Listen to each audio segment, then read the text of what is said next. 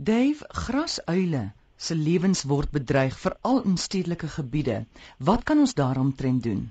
Amore, wie as 'n mens dink aan die aan die lieflike voëls in Suid-Afrika, is die uile, ek dink ook universeel, seker van ons mooiste diere.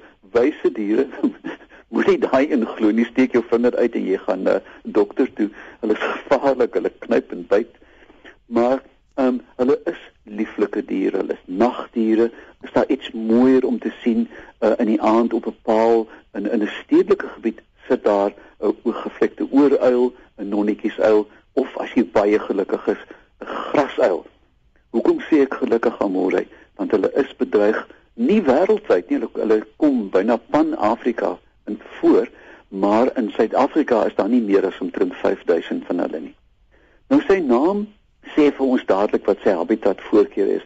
Hulle bly in lang gras, veral naby vleie, rande van riviere en in in oop grasveld waar hulle uiteraard muise en rotte vang. Nou ja, in Gauteng, weet jy, ek was nou eendag daar tussen ek het nou van van Lanseria na Pretoria gery.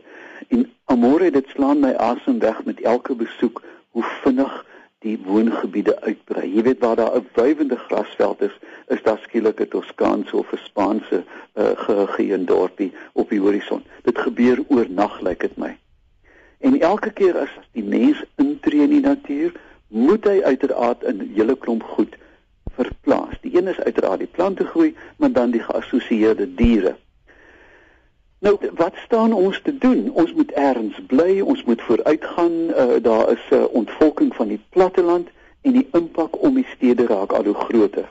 Een van die grootste foute wat die mens maak, is om nou 'n grasuil hotel ergens te probeer bou of 'n grasuil refugium. Amore, die geld wat gemors word aan mense wat probeer individue red, is onbeskryflik. Daar's 'n veel beter plan. Wat is 'n grasuil? Skus tog, wat is 'n grasuil hotel? O nee nee, dit is nou sommer my sarkasme. Ja. Uh, jy weet 'n plek waar jy nou grasuile grootmaak en probeer rehabiliteer en dan o. weer vrystel, jy verstaan? Natuurlik werk dit want 'n individu word gered en hy word weer vrygestel. Maar dit is nie die antwoord nie. Dit is klein vuurtjies doodslaan.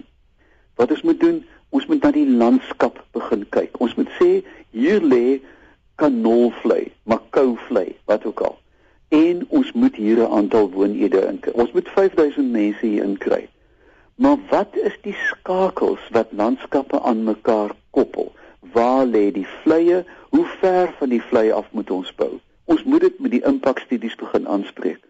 Impakstudies is noodsaaklik, maar daar's groot groot gate in hulle amorei. Daar's geld onder die tafel om kopery. Ek sê nie almal nie, maar dit gebeur wel.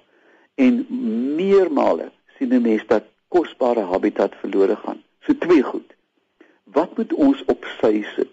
Internasionaal word dit aanvaar dat 15 tot 20% van 'n ontwikkeling moet op sy gesit word. Nie enige plek nie, sodat dit koppel aan die res van die landskap met 'n verbinding. En net amorei as ons met 'n groot kwas begin verf, gaan ons diere red. Dit help nie ons red net die grasuil nie. Ons moet die muise wat hy vreet ook red.